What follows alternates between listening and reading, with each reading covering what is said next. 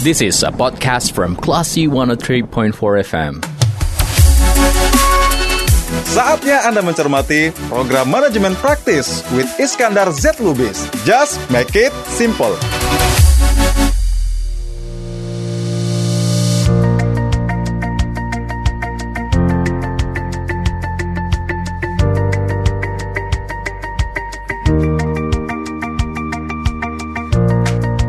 Assalamualaikum classy people, welcome back on Management Practice with Iskandar Z Lubis. Just, make, it simple. Nah, classy people, senang sekali ya saya Yuri Adeline kembali menyapa Anda di YouTube channelnya Classy FM dan bersama praktisi manajemen kita yaitu Pak Is. Sehat ya Pak? Alhamdulillah sehat. Iya, pastinya semangat juga ya. Bakal share untuk Classy People kali ini di topik yang sangat menarik. Nah, Classy People kali ini kita lagi syuting di Launch Hotel Daima Padang. Tempatnya homey banget ya, Pak ya? Ya, alhamdulillah nih keren banget. Keren banget Classy People. Terima kasih untuk Hotel Daima Padang ya. Oke, nah Classy People, hari ini kita akan ngobrol mengenai uh, sesuatu hal yang menentukan suksesnya sebuah perusahaan. Tapi hal ini masih banyak uh, dianggap belum penting oleh sebuah company, bahkan dianggap nggak penting pak oleh sebuah Oh, ya? perusahaan. Ini nggak tahu deh, Hmm. uh, mungkin belum Belum ngeh kali. ya. atau mungkin belum sadar. Sadar. Iya, oke. Kita akan dibikin lebih paham classy people untuk hari ini. Gimana sih sebuah uh, perusahaan seperti Google, Netflix, Amazon, uh, bahkan Gojek classy people itu bisa menjadi perusahaan yang gede, menjadi sebuah raksasa ya. Itu kuncinya adalah budaya perusahaan. Benar ya Pak? Ya, so far yang kita tahu seperti itu ya. Bahkan Iya. ada penelitian juga kan ya yang Iya. menunjukkan bahwa eh, peran budaya perusahaan itu sangat dominan Iya, untuk benar kelangsungan sebuah perusahaan. Oke, di episode kali ini Classy People, di episode ke-7 Manajemen Praktis with Iskandar Zatubis, kita akan bahas topik mengenai budaya perusahaan adalah Quenteji atau kunci. Nah, kita selalu memulai dengan why ya, Pak. Oke. Why? Kenapa? Kenapa kita penting membahas ini, Pak? Dan tujuannya apa sih?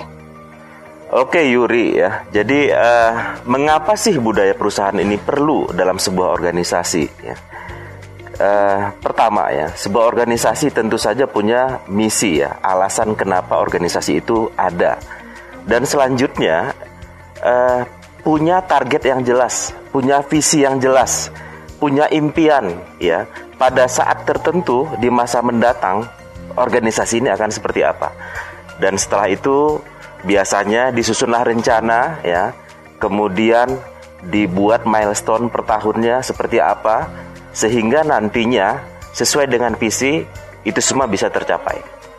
Namun ada satu hal ya yang kalau saya sebut sebenarnya itu adalah pondasi ya, pondasi dari seluruh perencanaan yang ada, yaitu budaya perusahaan. Kenapa gitu? Karena memang perlu ada satu nilai ya yang disepakati oleh seluruh individu yang ada dalam organisasi yang ditunjukkan dengan perilaku dan sangat mewarnai seluruh tindakan yang dilakukan sehingga ini akan memaintain ya menjaga semua rencana-rencana tersebut dieksekusi dengan cara mereka dengan cara yang khas sehingga targetnya bisa dicapai sebagaimana dituangkan dalam visi organisasi tersebut. Oke, berarti itu jawabannya seberapa penting kita membahas eh, budaya perusahaan ini ya, Pak ya? Iya, mengapa? Oke, nah ada sebuah eh, penelitian Hmm. yaitu di eh, Duke University pada tahun 2016 dan dari hasil penelitian tersebut ditemukan bahwa eh, corporate culture ini itu menempati posisi tertinggi, posisi utama ya Pak ya, see. Eh, eh, menjadi hal yang menentukan suksesnya sebuah perusahaan. Ini mengalahkan seperti eh, strategic plan, lalu operating plan, CEO, marketing, finance function, Pak. Dan dari hasil eh, penelitian tersebut itu juga budaya itu ternyata berpengaruh eh, berpengaruh nyata terhadap eh, corporate outcomes, Oke. gitu Pak. Nah pertanyaan saya Oke. eh. itu seberapa penting sih eh, bisa dijelasin dong Pak gitu? Eh, sebenarnya corporate corporate culture ini seberapa penting gitu? Dan apa itu corporate culture ini? Oke ya, jadi uh, tadi sudah saya singgung di awal ya, uh, pada saat saya menjelaskan why gitu ya. Uh-huh. Sebenarnya saya sudah uh, menjelaskan sekilas apa sih definisi dari uh, corporate culture itu atau budaya perusahaan itu ya. Jadi uh, corporate culture itu bisa kita katakan sebagai nilai-nilai yang nilai-nilai uh, atau hal-hal yang baik, yang positif sih biasanya ya, yang disepakati oleh seluruh individu yang ada di organisasi tersebut ya dan ditunjukkan uh, dalam sikap dan perilaku mereka dalam bertindak dalam mengeksekusi rencana-rencana yang telah disusun. Uh-huh.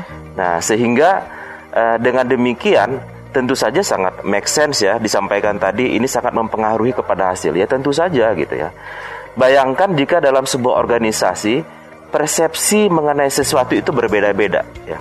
Saya kasih ilustrasi ya sebuah organisasi itu menyepakati bahwa mereka perlu punya inovasi ya seperti halnya tadi disebutkan ada uh, let's say seperti uh, Gojek misalkan Gojek. ada inovasi di salah satu budaya mereka ya uh-huh. kalau disebut tadi Netflix itu adalah freedom dan uh, responsibility. saya mengartikan sebenarnya itu juga adalah kata lain dari uh, inovasi juga ya inovasi yang terkontrol gitu ya kalau saya tangkap seperti itu gitu nah jadi bayangkan jika dalam sebuah organisasi tersebut ada orang-orang yang berperilaku yang mendukung untuk berinovasi, misalkan men-challenge uh, status quo gitu ya. Uh -huh. Atau kemudian selalu bertanya, mengapa sih kita lakukan seperti ini? Mengapa sih caranya seperti ini? Jika hanya beberapa orang yang melakukan seperti itu dan yang lainnya tidak menyetujui, nanti mungkin bisa saja kan malah menghalangi gitu. Jadi bayangkan misalkan uh, Yuri punya ide nih gitu ya. Pak, bagaimana kalau kita lakukan ini dengan cara yang berbeda? Nah, saya tidak menganut paham atau budaya inovasi tadi, ya saya langsung dep-dep aja. Udahlah, yang ini ini aja, yang biasa aja gitu. Nah, bayangkan ya, artinya apa?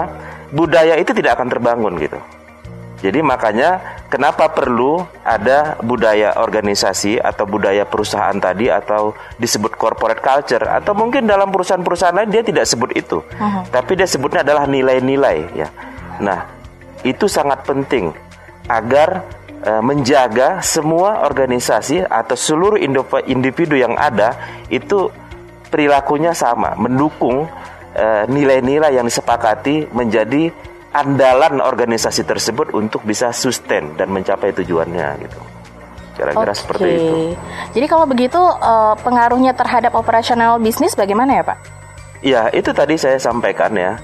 Uh, katakanlah uh, disepakati dalam organisasi tersebut tadi saya contohkan budaya inovasi uh-huh. misalkan ya mungkin ada budaya yang lain ya misalkan disepakati hal yang penting ya misalkan kemandirian gitu ya kemandirian itu artinya kan masing-masing anggota organisasi itu uh, kompeten ya menguasai bidangnya masing-masing nah tindakan apa sih atau uh, sikap seperti apa sih untuk mendukung hal tersebut Salah satunya tentu banyak belajar kan ya. Uh-huh.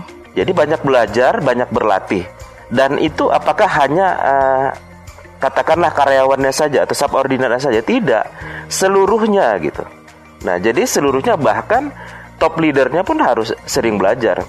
Misalkan kita sudah menganut budaya inovasi dan uh, mandiri, misalkanlah katakan seperti itu ya. Artinya ya, ketika saya menstate sesuatu, ayo kita lakukan ini. Katakanlah uh, Yuri adalah subordinate saya atau karyawan saja gitu ya. Uh -huh. Tapi karena memang kita sudah trust each other ya, jadi artinya Yuri juga nggak ragu-ragu ngomong ke saya, Pak, kayaknya cara yang Bapak lakukan itu kayaknya kurang pas deh, Pak. Okay. Artinya apa? Ayo, ayo Pak, kita lihat dari uh, perspektif yang lain, dari sudut pandang yang lain.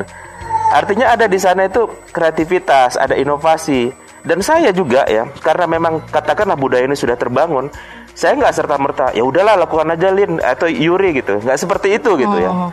saya uh, juga harus mau mendengar oh. saya harus merenungkan saya timbang-timbang juga argumen dari Yuri tadi gitu kalau make sense ya idenya Yuri yang kita pakai gitu okay. nah itu ketika uh, telah terbangun eh, budaya-budaya uh, yang tadi dan memang benar-benar diimplementasikan dalam tindak tanduk sehari-hari dari seluruh anggota organisasi, wajar saja kalau dikatakan itu mempengaruhi hasil. Iya dong, ya kan? Ketika tidak ada budaya yang jelas, ya itu akan sangat beresiko berbeda persepsi dalam uh, menyikapinya gitu sehingga produknya pun bisa berubah gitu atau hasilnya berbeda gitu. Oke Pak, jadi kalau saya bilang yeah. Ya. uh, corporate corporate culture ini itu sangat erat ya hubungannya dengan uh, perilaku individu dalam sebuah uh, perusahaan, environment uh, atau iklim pekerjaan sebuah perusahaan Pak. Nah ini pendapat Bapak gimana ya? Oke okay, Yuri, uh, justru Yuri sudah menjawab sebenarnya ya. Jadi corporate culture itu ya, itu akan mewarnai iklim ya organisasi tersebut atau lingkungan bekerjanya, suasana bekerjanya gitu. Uh -huh. Karena memang corporate culture, eh, corporate culture itu sendiri ya, kalau kita definisikan ya, sebenarnya adalah nilai-nilai yang disepakati oleh seluruh individu. Saya menggunakan istilah individu ya Uh, kenapa gitu ya? Uh, nanti saya akan jelaskan kemudian ya. Maksudnya ini mungkin untuk istilah yang umum digunakan sumber daya manusia sebenarnya ya. Jadi saya sebut individu. Jadi nilai-nilai yang disepakati oleh seluruh anggota organisasi atau individu organisasi tersebut ya untuk uh, disikapi dalam tindak tanduk dalam kesehari-harian dalam berorganisasi gitu. Kira-kira seperti itu gitu. Oke, nah Pak Is, kalau kita lihat nih seperti uh, perusahaan besar ya, hmm. uh, Gojek itu dengan budaya kerjanya, speednya, kecepatannya Pak, hmm. lalu juga uh, inovasi, dampak sosialnya gitu ya, lalu juga ada net, uh, Netflix dengan freedom and responsibility, hmm. lalu juga ada seperti Apple Pak, okay. itu yang uh, think different gitu ya. Nah ini perusahaan besar seperti itu ya Pak ya. Kesimpulan apa sih yang bisa Bapak tarik uh, dan sampaikan ke viewers kita hmm. di YouTube channel agar kita makin paham nih dengan budaya perusahaan, Pak. Oke ya, jadi uh, seperti Gojek tadi disebutkan ya bahwa budaya perusahaan mereka adalah speed ya, uh-huh. kemudian inovasi dan juga sosial uh, dampak sosial. Dampak sosial ya. Yeah. Oke. Okay. Artinya itu mereka sepakati ya dalam organisasi tersebut itu menjadi budaya mereka dan itu akan mewarnai sikap mereka. Artinya harusnya ya kalau memang benar-benar itu sudah embedded atau terinternalisasi dalam organisasi tersebut harusnya ya kalau kita misalkan order Gojek harusnya dia cepat. Ya, itu dan itu kita bisa merasakan itu. ya. Memang benar ya, ya seperti benar. itu. Berarti benar gitu mm -hmm. ya. Lalu kemudian kita lihat sendiri bagaimana mereka selalu melakukan inovasi ya. Mm -hmm. Kita tahu Gojek pertama kali itu uh, awal itu mereka pakai calling system gitu ya. Yeah. Kemudian mereka improve, mereka gunakan Android pakai aplikasi ya. Yeah. Lalu kemudian bahkan produk-produknya juga berkembang. Uh -huh. Dan itu diawali sebenarnya juga dari rasa dampak sosial mereka juga, kesadaran mereka untuk berbuat kepada masyarakat gitu uh -huh. ya. Uh, waktu itu saya pernah dengar ya pendirinya diwawancarai di sebuah inilah uh, channel uh, Pak Gita waktu itu Pak Gita Wirawan mewawancarai Nadiem Makarim gitu waktu uh-huh. itu.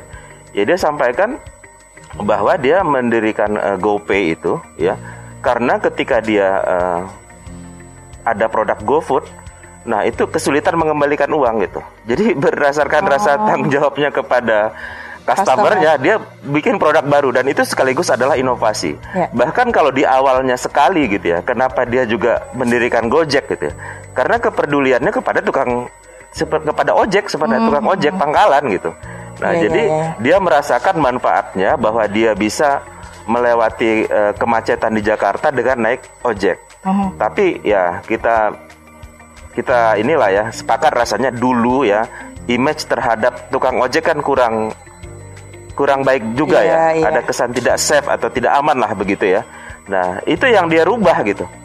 Nah, sehingga karena kepedulian, kepedulian dia kepada tukang ojek ya, bahwa tukang ojek ini sebenarnya bisa memberi value ya di mana pada saat uh, macet kita bisa uh, cepat gitu. Hmm. Nah, dia buatlah Gojek. Jadi ya saya pikir itu sinkron sekali dengan apa yang telah dia lakukan gitu. Oke, jadi emang kelihatan ya Pak ya budaya uh, perusahaan dari Gojek, yeah. lalu uh, Apple, Netflix hmm. gitu ya, sampai ke kita pun bisa merasakan dampaknya ya Pak ya. Iya, hmm. itu itu berarti memang budaya perusahaannya tidak hanya sekedar slogan.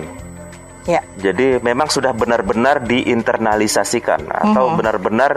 Disosialisasikan, dipahami dan memang di, dilakukan gitu oleh seluruh anggota organisasi atau individu-individu yang ada dalam organisasi tersebut. Alright, classy people, next kita akan bahas uh, tentang gimana sih leader di sebuah perusahaan yang sering terjebak dengan how to survive atau mungkin ya menghalalkan segala cara sampai melupakan budaya perusahaannya classy people.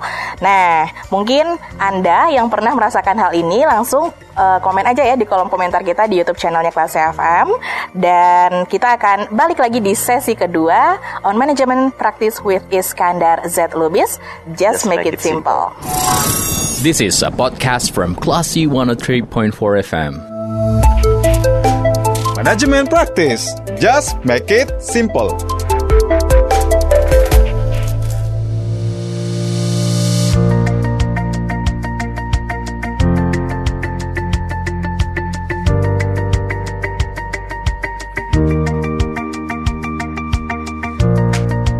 Classy People, kita balik lagi di sesi kedua. Nah, sebelum kita lanjut ke topik kita kali ini Classy People, sebelumnya untuk Anda yang mau uh, komen, boleh banget ya yang mau ngirimin pertanyaan, boleh banget itu ke Instagram kita di Classy FM atau langsung komen di video ini juga boleh ya.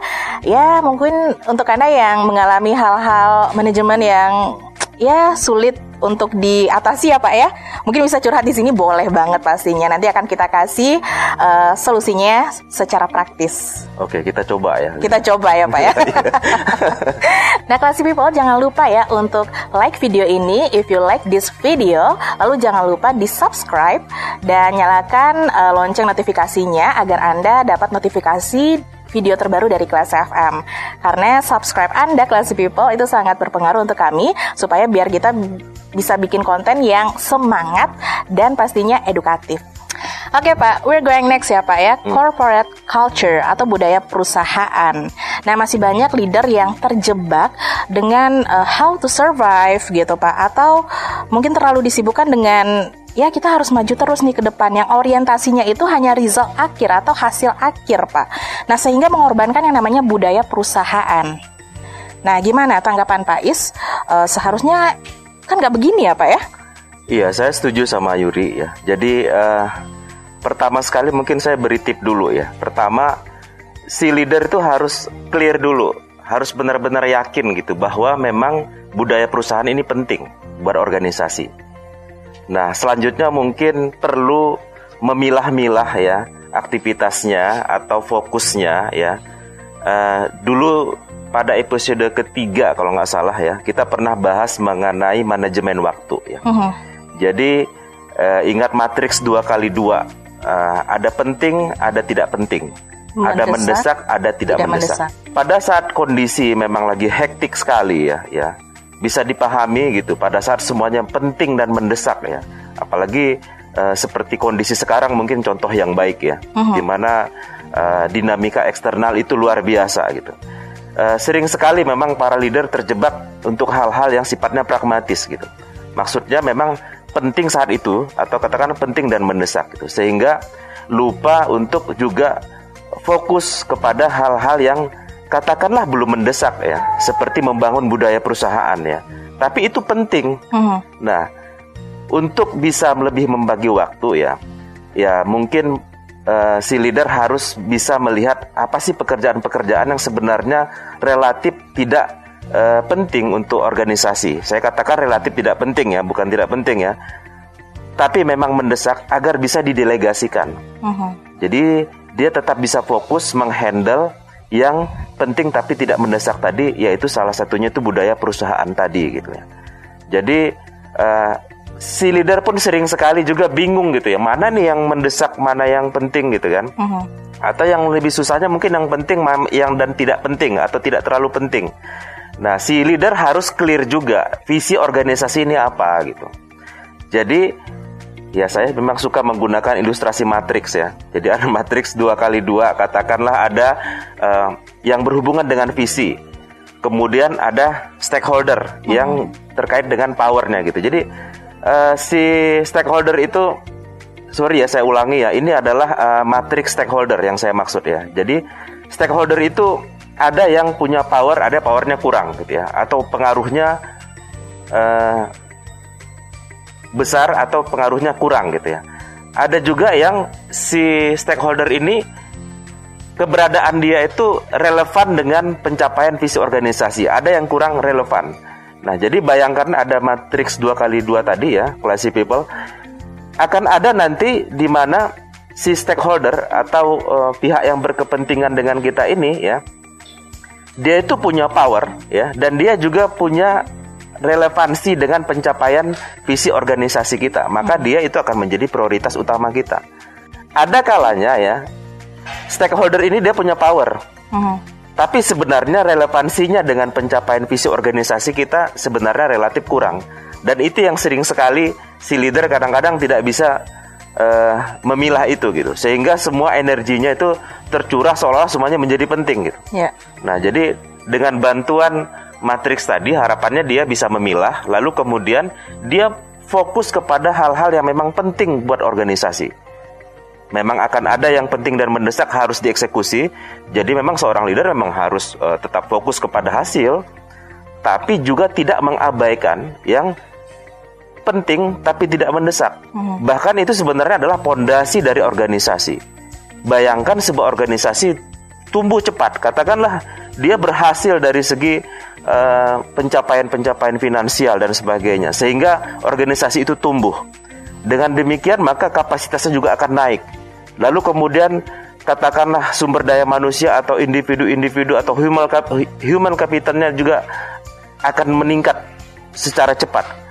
Bayangkan ya, di awalnya dia bangun organisasi itu dengan tim yang solid, uh-huh. yang punya budaya yang sama. Lalu kemudian bertambah orang-orang baru yang budayanya berbeda. Uh-huh. Itu sangat berisiko berorganisasi tersebut. Nah, jadi uh, kalau dijelaskan oleh uh, uh, Yuri tadi ya bahwa sering kali para leader itu terjebak tanda kutip ya mungkin lebih karena yang bersangkutan uh, kurang bisa memanage waktunya gitu ya untuk menentukan memilah-milah mana yang penting mana yang tidak penting mana yang mendesak mana yang tidak mendesak lalu selanjutnya memang perlu ditanamkan benar uh -huh. di pemahamannya bahwa memang keberadaan corporate culture atau budaya perusahaan ini atau nilai-nilai ini sangat penting kalau saya katakan ini adalah pondasi dari organisasi tersebut. Sehingga dengan demikian dia akan meluangkan waktunya dan bahkan menyiapkan waktunya untuk membangun budaya organisasi atau budaya perusahaan tersebut. Oke, jadi bisa disimpulkan juga di sini uh, peran leader itu jadi penentu ya di sini ya, Pak ya. Dan kal lalu kapan nih Pak baiknya budaya kerja ini terbentuk gitu? Dan kalau dari penjelasan Bapak, itu leader seharusnya jadi sosok terdepan yang jadi pemeran utamanya nggak sih? Bisa dikatakan seperti itu. Mm-hmm. Ya, lebih tepatnya mungkin berkontribusi besar banget gitu. Ya, jadi saya ada ilustrasi ya, mungkin bayangkan ini tangan saya itu ya. Mm-hmm. Ini pangkal lengan, ini siku ya. Yeah. Ini jari-jari. Yeah. Bayangkan ini pangkal lengan saya ini adalah top leader. Oke. Okay. Ya, kemudian ini anggota berikutnya di bawahnya lah, subordinatnya, dan kemudian ini lebih di bawah lagi. Pergerakan di bawah ini, di jari-jari ini, ya, mau lima lima jari ini juga bergerak gitu. Mm-hmm. Tidak akan menggerakkan tangan ini secara keseluruhan gitu. Bayangkan itu ya. Mm-hmm. Tapi ketika top leader bergerak ya bergeraknya sedikit aja tangan itu bergerak gitu jadi bayangkan organisasi tadi ketika top leadernya yang melakukan perubahan itu dampaknya akan sangat luar biasa kepada organisasi. Tapi jangan putus asa juga yang di bawah gitu. Dengan komunikasi yang baik ya, kemudian juga dengan menunjukkan kemandirian, uh-huh. kompetensi kita, insya Allah gitu ya. Top leader juga akan melihat itu sehingga dia trust ke kita ya, ya sehingga uh, top leader akan trust atau percaya kepada uh, uh, para classy people ya gitu ya, sehingga nantinya ide-idenya, masukan-masukannya bisa dikomunikasikan ke atasannya sehingga kembali lagi nanti dari atasannya akan top down untuk mengimplementasikan budaya organisasi tersebut gitu. Nah, itu dia classy people ya. Nah, kita tadi udah bahas why, hmm. what, when, who, dan sekarang kita masuk ke how-nya ya Pak ya. Oke okay, ya. Nah, classy people juga penasaran pastinya, saya pun juga ikut penasaran. Hmm. Hmm, gimana sih Pak cara membangun sebuah budaya yang akhirnya itu bisa relevan sepanjang masa? Apa yang dibutuhkan, lalu dasarnya apa? Atau mungkin kita butuh invest di sini Pak? Oke ya, jadi uh, budaya itu ya, itu kan sebenarnya kan kebiasaan ya. Iya. Ya, kalau seperti misalkan uh, Yuri setiap pagi uh, mandi gitu ya, mm-hmm. itu kan sejak kecil sudah diajarkan sama orang tuanya ya. Iya betul. ya kan sehingga terbiasa seperti itu, sikat gigi kan mm-hmm. kayak gitu ya, sarapan dulu, mm-hmm. baru berangkat kerja misalkan, itu kan menjadi budaya yang sudah uh, terbangun sekian lama itu. Yeah, jadi berdasarkan betul. influence dari orang tua ya pengaruh dari orang tua atau dari pendidikan-pendidikan di sekolah juga disebutkan seperti itu ya. hmm. ya. Jadi e, begitu pula organisasi tadi ya, organisasi membangun budayanya ya agar menjadi kekhasan organisasi tersebut untuk menjalankan e, misi dan visinya. Hmm. Nah, kita ketahui bahwa ya perjalanan sebuah organisasi itu tidak terlepas dari kondisi eksternal. Iya, betul. Jadi mempertimbangkan kondisi eksternal itu adalah cara yang paling wise, cara paling bijak dalam membangun budaya organisasi. Nah, kalau untuk melihat kondisi yang sekarang ya, di mana dinamika eksternal sangat luar biasa ya, tentu saja hal-hal yang bersifat kemampuan beradaptasi, uh-huh. kemampuan untuk berinovasi, untuk selalu tetap kreatif, untuk tetap selalu lincah atau agile misalkan uh-huh. seperti itu itu menjadi budaya memang sangat dibutuhkan dan itu tergambar dari budaya-budaya organisasi yang dipublish ya yang kita tahu ya. Yeah. Tadi Yuri sudah sebutkan di mana Netflix dia itu uh, freedom, freedom dan, dan responsibility. responsibility. Mm. Itu kan kalau saya melihatnya itu lebih ke inovasi, inovasi. kreativitas itu. Artinya mm. memang butuh sekali ya, kreativitas dan inovasi dalam uh, sebuah organisasi saat ini atau juga tadi Gojek tadi menyebutkan inovasi. Yeah. Kemudian juga uh, Apple. Apple. Think different. Think different. Mm. Ya, artinya melihat dengan cara yang berbeda. Yeah. Jadi tidak mempertahankan status quo gitu. Jadi artinya, jangan membayangkan dengan cara yang sama terus gitu. Karena mm. dari luar itu berubah terus. Jadi, jadi kalau pertanyaan uh, Yuri tadi ya, jadi ini juga untuk seluruh classy people ya saya pikir ya memang untuk yang saat sekarang ya, yang relevan itu budaya sebuah organisasi adalah yang mampu menghadapi tantangan perubahan yang sangat dinamik, dinamis sekali ya. Jadi Kira-kira seperti itu gitu. Nah, kalau gitu Pak, boleh cerita dong uh, pengalaman Bapak. Kalau Pak Is kan kita udah tahu ya, udah melalang buana ke mana-mana nih. Uh, Bapak udah ke perusahaan tambang, industri kesehatan, lalu juga olahraga, industri kreatif. Nah, iklim seperti apa sih Pak yang pernah Bapak ciptakan agar tim Bapak itu bekerja dalam nilai-nilai yang akhirnya membuat tujuan perusahaan itu bisa tercapai gitu Pak? Oke, okay, classy people ya. Jadi uh, berdasarkan pengalaman saya dalam berbagai jenis uh, usaha ya, saya melihat memang ada beberapa uh, kekhasan dari masing-masing uh, organisasi ya atau bisnis ya. Mm -hmm. Budaya apa yang dikedepankan? Gitu. Semisal untuk yang manufaktur ya, memang budaya-budaya yang memang benar-benar dikemukakan itu adalah bagaimana agar produktivitas tinggi, lalu kemudian agar sedapat mungkin kecelakaan kerja terminimalisir dan kerusakan peralatan itu eh, ya sedapat mungkin bisa direduksi gitu.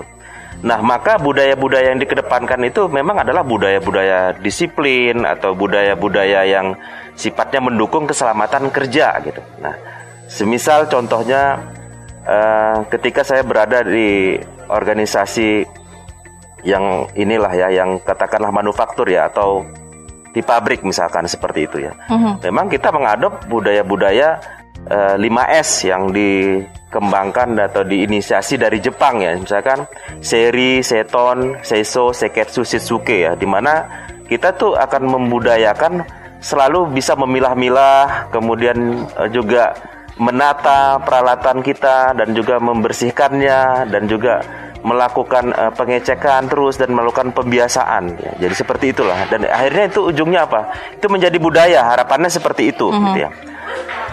Namun ketika kita di industri kreatif ya, katakanlah semisal uh, event organizer atau kita radio atau kita katakanlah media online mm -hmm. ketika saya di Classic Corporation misalkan gitu ya itu memang yang dikedepankan itu lebih kepada budaya uh, kreatif dan kemudian agile.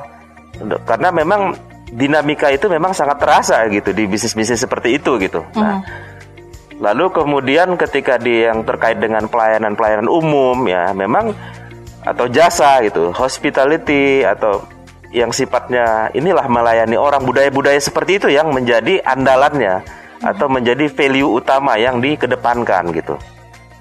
Walaupun kalau kita lihat secara keseluruhan ya, pasti ada nilai-nilai yang harusnya ada di setiap organisasi gitu. Ya, jadi secara umum inovasi itu tetap harus ada gitu misalkan. Belajar itu harus selalu ada gitu. Nah, itu dari segi jenis uh, organisasinya ya. Sama aja sih di olahraga juga kayak gitu gitu. ya. Di bidang trading juga ya mirip-mirip seperti itulah gitu ya. Nah, hanya saja ketika kita menjadi karyawan atau kita menjadi direktur itu memang berbeda. Jadi pendekatannya memang berbeda. Jadi peran top leader dalam eh, katakanlah menginternalisasikan atau membangun sebuah budaya itu memang akan jauh lebih efektif daripada eh, seorang karyawan dalam sebuah organisasi.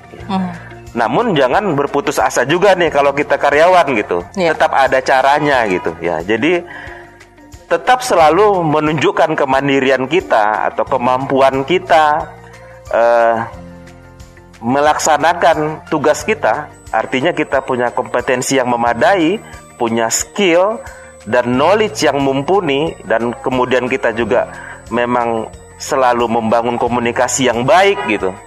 Dan juga kita bisa menunjukkan bahwa organisasi menjadi prioritas kita. Dengan demikian maka top leader akan trust ke kita gitu. Sehingga ketika kita mengusulkan sesuatu yang baik ya sering kali itu eh, diterima gitu. Dan kemudian kembali lagi ketika top leader yang melakukan internalisasi maka hasilnya akan jauh lebih efektif seperti ilustrasi yang saya tampilkan tadi dengan tangan tadi gitu. Oke. Kira-kira seperti itu. Dan itu berdasarkan pengalaman dari Pak Is Iya. ya. Wah, kelihatan nih classy people memang melalang buana sekali ya Pak Is ya. Oke, classy people, next kita akan lanjut ke sesi 3 dan di sesi 3 ini kita akan menjawab pertanyaan yang sudah masuk ke tim kreatif kita melalui DM Instagram dan juga di kolom komentarnya eh, YouTube channel Kelas FM. Nah, beberapa pertanyaan yang udah masuk itu seperti tiap leader punya warna sendiri dan budaya perusahaan yang sudah ada kadang jalan di satu leader tapi belum tentu jalan di leader lain. Nah, classy people, saya ingetin lagi untuk Anda ya, jangan lupa, jangan malu-malu juga yang mau nanya di kolom komentar langsung aja dan pastinya praktisi manajemen kita yaitu Pak Iskandar dengan senang hati akan menjawab pertanyaan-pertanyaan. Anda. Oke? Kalau gitu jangan ke mana-mana, tetap di manajemen praktis with Iskandar Z Lubis. Just, make, it simple. Ya, kembali lagi, segala sesuatu yang terkait dengan hal yang strategis dalam sebuah organisasi, sebaiknya itu memang melalui komunikasi yang baik antara seluruh individu yang ada dalam organisasi tersebut. Boleh-boleh saja sih ketika ada leader baru dan dia melihat kondisi eksternal ini berubah gitu ya. Nah, classy people, saya ingetin lagi untuk Anda ya, jangan lupa, jangan malu-malu juga yang mau nanya di kolom komentar langsung aja dan pastinya praktisi manajemen kita yaitu Pak Iskandar dengan senang hati akan menjawab pertanyaan-pertanyaan. Anda. Oke? Kalau gitu jangan ke mana-mana, tetap di manajemen praktis with Iskandar Z Lubis. Just, make, it simple. This is a podcast from Classy 103.4 FM. Manajemen praktis. Just make it simple.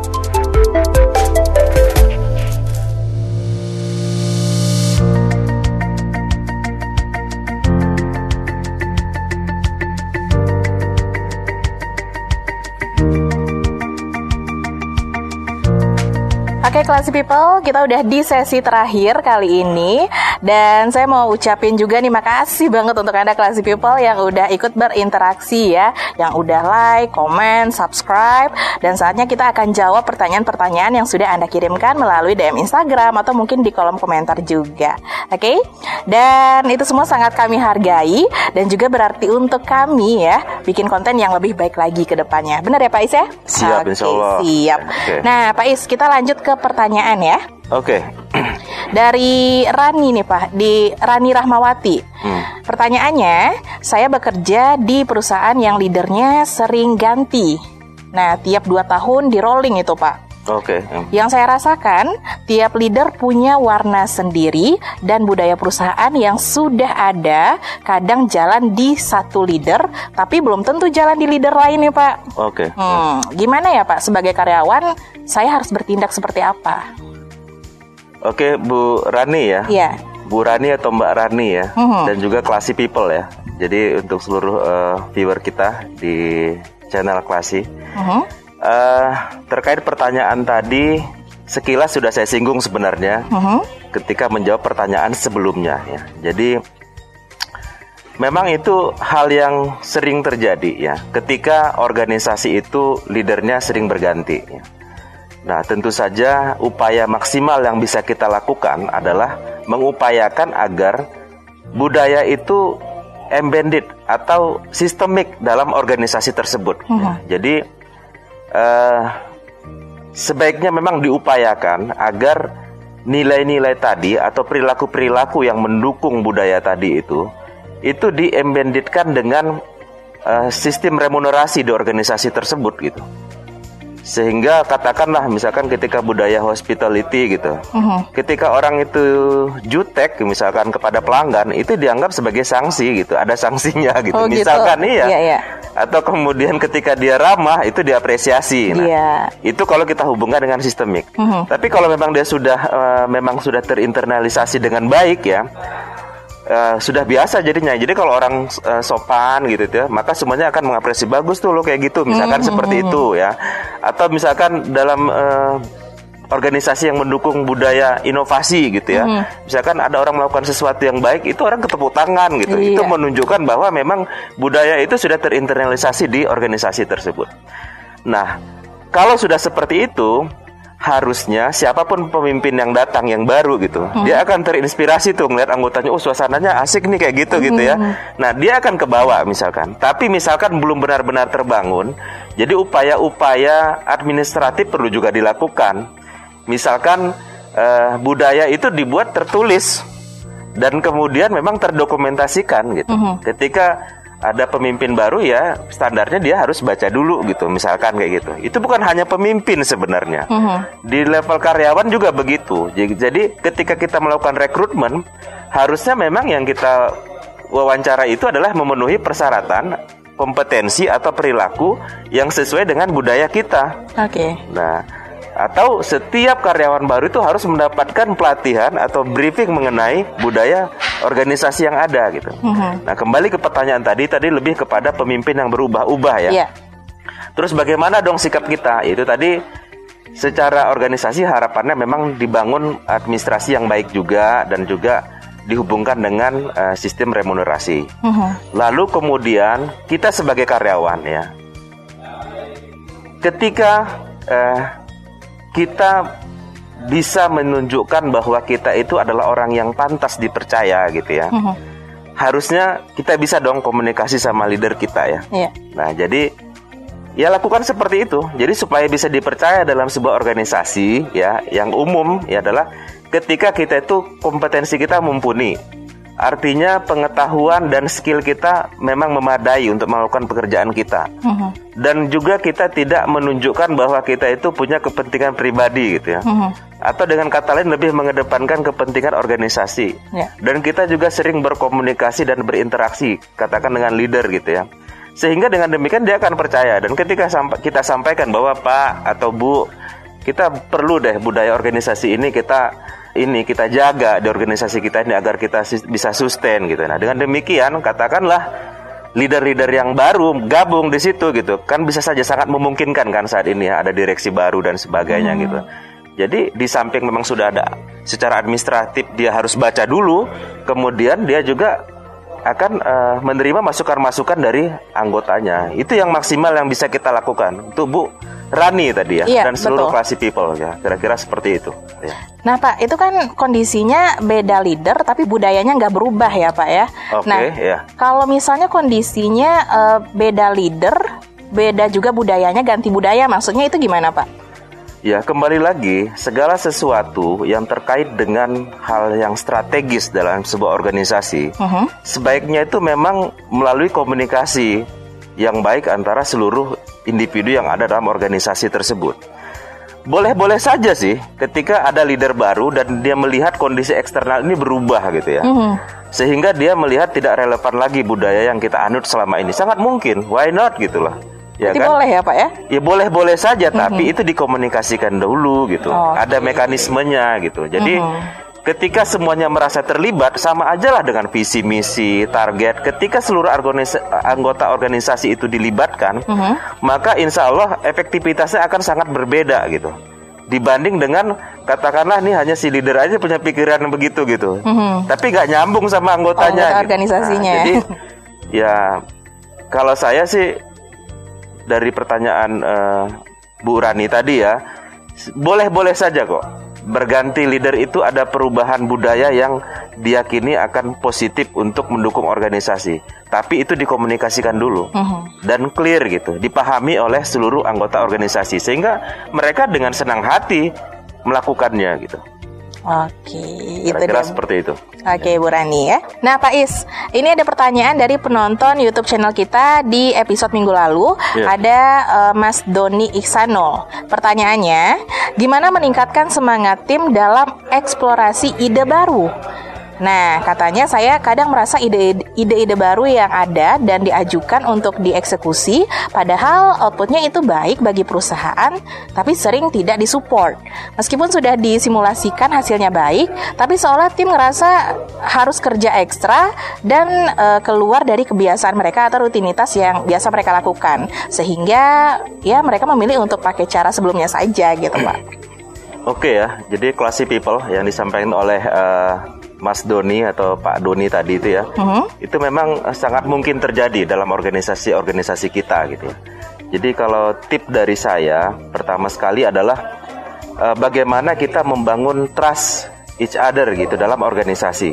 Jadi ketika uh, Bung Doni atau Mas Doni tadi itu mendeliver sebuah ide gitu ya kepada seluruh tim, mereka percaya bahwa ini baik buat kita bersama gitu. Nah, jadi saya sudah sampaikan sebelumnya ya, salah satunya adalah ketika kita itu bisa menunjukkan performance kita kita itu mandiri kita kompeten ya dan kemudian uh, kita benar-benar skillful knowledge-nya cukup mengerjakan pekerjaan kita uh -huh. lalu kemudian kita juga tidak menunjukkan ego kita atau kita tidak ego tidak mengedepankan kepentingan kita daripada kepentingan organisasi dan kita sering berinteraksi biasanya dalam tim tersebut akan terbangun rasa saling percaya. Sehingga ketika ada ide-ide baru mungkin akan dicerna dulu gitu ya.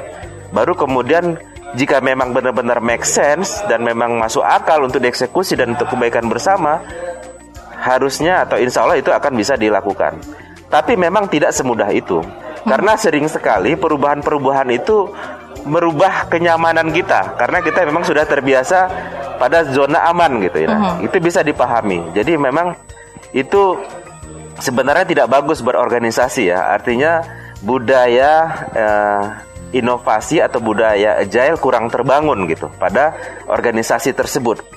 Nah, saran saya memang perlu ada uh, upaya juga dari Mas Doni untuk bisa meyakinkan atasannya bahwa ini perlu kita uh, kondisikan agar organisasi kita ini lebih bisa menerima perubahan-perubahan atau ide-ide baru gitu. Sehingga nantinya memang jika ada perubahan-perubahan kita bisa lebih agile kita menghadapinya sehingga kita lebih mungkin untuk bisa survive. Harapannya memang dengan ya maaf ya memang kesannya kok seperti memanfaatkan power. Memang iya uh-huh. dalam sebuah organisasi itu memang power itu perlu. Makanya kenapa kita perlu mengkomunikasikan itu kepada leader kita atau atasan kita? Karena memang dampaknya akan berbeda. Ketika kita meyakinkan ya kita lebih sifatnya mungkin meyakinkan saja. Kita nggak bisa maksa kan? Tidak bisa uh, mengkondisikan. Nah, tapi kalau atasan mungkin bisa dengan ya tanda kutip dengan powernya. Karena memang sering sekali perubahan-perubahan itu di awal itu pasti nggak asik ya. Ya. Ya, jadi penyesuaiannya memang, ya Pak ya. Ya perlu ada penyesuaian. Hmm. Jadi penjelasan, pengertian why itu itu lebih bagus ya. Hmm. Kalau sudah dikasih pemahaman dan memang make sense, masuk akal, kita juga meyakinkan nggak boleh maksa gitu ya. ya. Artinya memang benar-benar sangat logis gitu argumennya gitu. Dengan demikian semuanya dengan senang hati melakukannya gitu. Kira-kira begitu uh, classy people. Oke, jadi kalau yang saya tangkap sih tadi uh, Pak Is di sini itu cara mengkomunikasikan lalu trust each other ya. Itu sih kunci utamanya ya Pak ya. Iya, dengan harapan selanjutnya sih harapannya terbangunlah budaya uh, kreatif atau inovasi di sana. Jadi ya. jangan bayangkan kalau budaya inovatif itu semuanya menemukan hal-hal yang baru. Nggak selalu begitu. Iya. Jadi salah satu mm -hmm. ya indikator bahwa budaya inovasi terbangun di situ orang mau mendengar pendapat orang lain. Mm. Atasan itu mau dikritik dan juga sama-sama memahami bahwa prosedur yang ada ini bisa saja dirubah. Kira-kira seperti itu gitu. Jadi bukan semuanya langsung menemukan penemuan-penemuan enggak, enggak seperti itu. Semuanya berinovasi gitu. Enggak selalu, enggak mesti semua gitu. Iya, Tapi iya, yang iya. lainnya mendukung. Iya. Atau ketika ada orang mencoba sesuatu ternyata gagal, enggak ngeledekin. Iya. Tetap diapresiasi hmm. karena kita semua sepakat bahwa perlu ada usaha-usaha berbeda untuk menghasilkan hasil yang lebih baik. Gitu. Setuju. Nah, gara-gara seperti itu. Oke, Mas Doni. Nah, kita lanjut ke another question from uh, YouTuber viewer kita, Pak. Ya. Yeah. Ada Pak Johan. Wahyudi, hmm. Johan Wahyudi ya. Nah pertanyaannya, gimana cara mengelola tim saat uh, gap years atau maksudnya uh, gap usia ini Pak? Antara anggota tim cukup luas antara millennials dan uh, baby boomers. Di kampus itu banyak uh, profesor yang cenderung sudah sangat uh, senior dan rada sulit katanya Pak untuk uh, menjangkau mereka. Apa nih tipsnya? Oke ya, jadi uh, saya memahami tadi Pak Johan ini tadi kan menyebutkan bagaimana mengelola ya. Iya. Saya berasumsi bahwa beliau adalah pengelolanya. Oke, kita jawab nanti dari dua versi lah ya, sebagai pengelola ataupun bukan ya. Uh-huh. Kalau sebagai pengelola, katakanlah beliau adalah leader dari organisasi tersebut ya, Classy People ya. Jadi pertama kita harus menyadari sepenuhnya ketika kita sebagai seorang leader kitalah yang paling bertanggung jawab dalam organisasi tersebut. Artinya, misi dan visi organisasi harus clear, kita pahami. Dan tentu saja kitalah yang paling bertanggung jawab membangun budaya organisasi agar organisasi ini bisa berkesinambungan. Nah, ketika kita pada posisi tersebut ya, walaupun usia kita relatif muda misalkan, kita bukanlah uh, senior gitu dan kita punya anggota organisasi yang lebih tua gitu. Uh-huh. Artinya kita ya harus bisa memposisikan sebagai orang yang lebih tua dari yang bersangkutan, tanda kutip gitu. Artinya juga harus pede gitu loh walaupun sorry ya, walaupun profesor atau bagaimana ininya gitu. Katakan dia belum profesor, dia doktor lah misalkan, -huh. tapi dia katakanlah dia rektor dalam sebuah perguruan tinggi. -huh. Dia harus pede gitu ngomong sama profesor-profesor tersebut gitu. Artinya Pak, organisasi kita goalnya seperti ini gitu. Artinya semua anggota organisasi harusnya sepakat dong melakukan katakan ada katakanlah ada budaya yang harus didukung bersama misalkan seperti itu atau ada rencana yang harus kita eksekusi bersama gitu. Itu pertama. Jadi hmm. itu memang sering sekali jadi masalah saya lihat ya. Hmm. Pemimpin-pemimpin muda yang nggak pede gitu. Ya. Nah, itu sering seperti itu gitu. Saya juga merasakan dulunya ketika saya baru bekerja kemudian atasan saya lebih tinggi eh bawahan saya lebih tinggi usianya dari saya gitu, hmm. katakan lebih berpengalaman. Itu adalah tantangan pertama menjadi seorang leader gitu. Hmm jadi tapi jangan arogan juga gitu. ya bagaimana pendekatannya kepada yeah. orang yang lebih tua, tetap harus sopan. sopan. Tapi juga harus tahu bahwa kita harus uh, meyakinkan yang bersangkutan untuk sama-sama mendukung apa itu program organisasi. Itu yang pertama. Lalu kemudian kalau dari segi katakanlah ada perbedaan persepsi mengenai sesuatu karena perbedaan umur, sangat mungkin terjadi. Orang-orang itu kan dirinya itu adalah apa yang dia baca, apa yang dia alami gitu ya. Tentu saja berbeda ya orang yang berusia dari generasi baby boomer katakanlah profesor-profesor umumnya generasi baby boomer mungkin mm -hmm. ya. Mungkin ada juga profesor-profesor muda yang uh, generasi X mungkin seperti saya gitu ya, misalkan seperti itu. Sementara anak-anak yang muda yang generasi milenial bahkan mungkin generasi Y, Z gitu ya dia yang dia bacakan juga beda, yang dia tonton juga beda gitu. Sehingga hmm. membangun opininya terhadap sesuatu mungkin saja relatif berbeda. Kembali lagi kalau kita sebagai leader, maka tugas kita itu mencari titik temunya. Kita kan nggak mesti harus sama, tapi asalkan kita sepakat ketika kita dalam sebuah organisasi ada nilai-nilai yang kita sepakati, ya, maka kita sama-sama berkomitmen menjalankan uh, budaya tersebut. Nah, jadi classy people kita kan berangkat dari latar belakang yang berbeda. Sama benar generasi kita gitu. Kita lahir dari ibu yang berbeda, asal daerah berbeda, ya. Artinya posisikan seperti itu juga, walaupun perbedaan umur ya sama saja hakikatnya. Ada perbedaan latar belakang ya, ada perbedaan pengalaman yang membentuk diri kita. Ketika kita berada dalam sebuah organisasi yang sama, artinya kita berkomitmen sama-sama menganut budaya yang sama agar katakanlah organisasi atau perusahaan besar ini atau perahu besar ini bisa berlayar ke arah yang kita sepakati bersama. Itu kalau sebagai leader. Tapi kalau sebagai anggota misalkan ya. Saya tadi mengasumsikan sebenarnya sebagai leader karena uh, beliau menyampaikan bagaimana mengelola. Ketika kita sebagai anggota, ya jawabannya mirip dengan jawaban saya yang sebelumnya. Ya artinya hmm. tetap memang perubahan itu akan sangat efektif ketika top leader yang menginisiasi. Jadi jika terjadi ada katakanlah communication gap uh, karena perbedaan umur tadi gitu ya dan kita berada di dalam bukan sebagai top leader artinya kita perlu meyakinkan leader yang memang bertanggung jawab kepada seluruh organisasi tersebut agar itu sama-sama kita benahin gitu karena memang jika kita semua berada dalam satu perahu yang sama perlu ada tanggung jawab kita bersama agar perahu ini berlayar sebagaimana yang kita rencanakan. Kira-kira seperti itu, classy people. Alright, classy people. Oke, okay, classy people, this is the end of our show for this video. Dan budaya perusahaan adalah kuenteji atau kunci. Budaya perusahaan sangat penting ya. Dan kita yang menyaksikan ini itu bisa untuk uh, menjadi individu yang perilaku dan work ethicnya betul-betul mendukung budaya perusahaan ya Pak ya? Iya. Oke, silakan Pak untuk closing statement di episode kali ini. Oke, classy people. Dari diskusi kita kali ini, saya mencoba meresumekan apa yang kita bicarakan dalam episode corporate culture ini.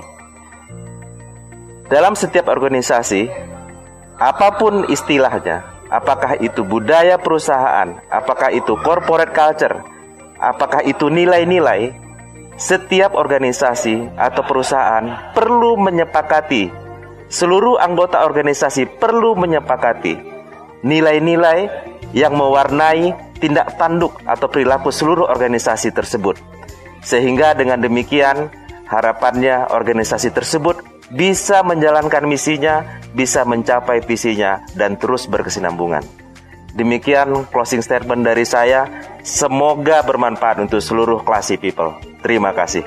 Oke, okay, classy people. Saya Yuri Adeline pamit dan praktisi manajemen kita yaitu Pak Iskandar Zat Lubis juga pamit. Salam manajemen praktis. Just, Just make, make it simple. simple. Wassalamualaikum and then see you. See you. Terima kasih Anda sudah mencermati program Manajemen Praktis with Iskandar Z Lubis. Just make it simple. This is a podcast from Classy 103.4 FM.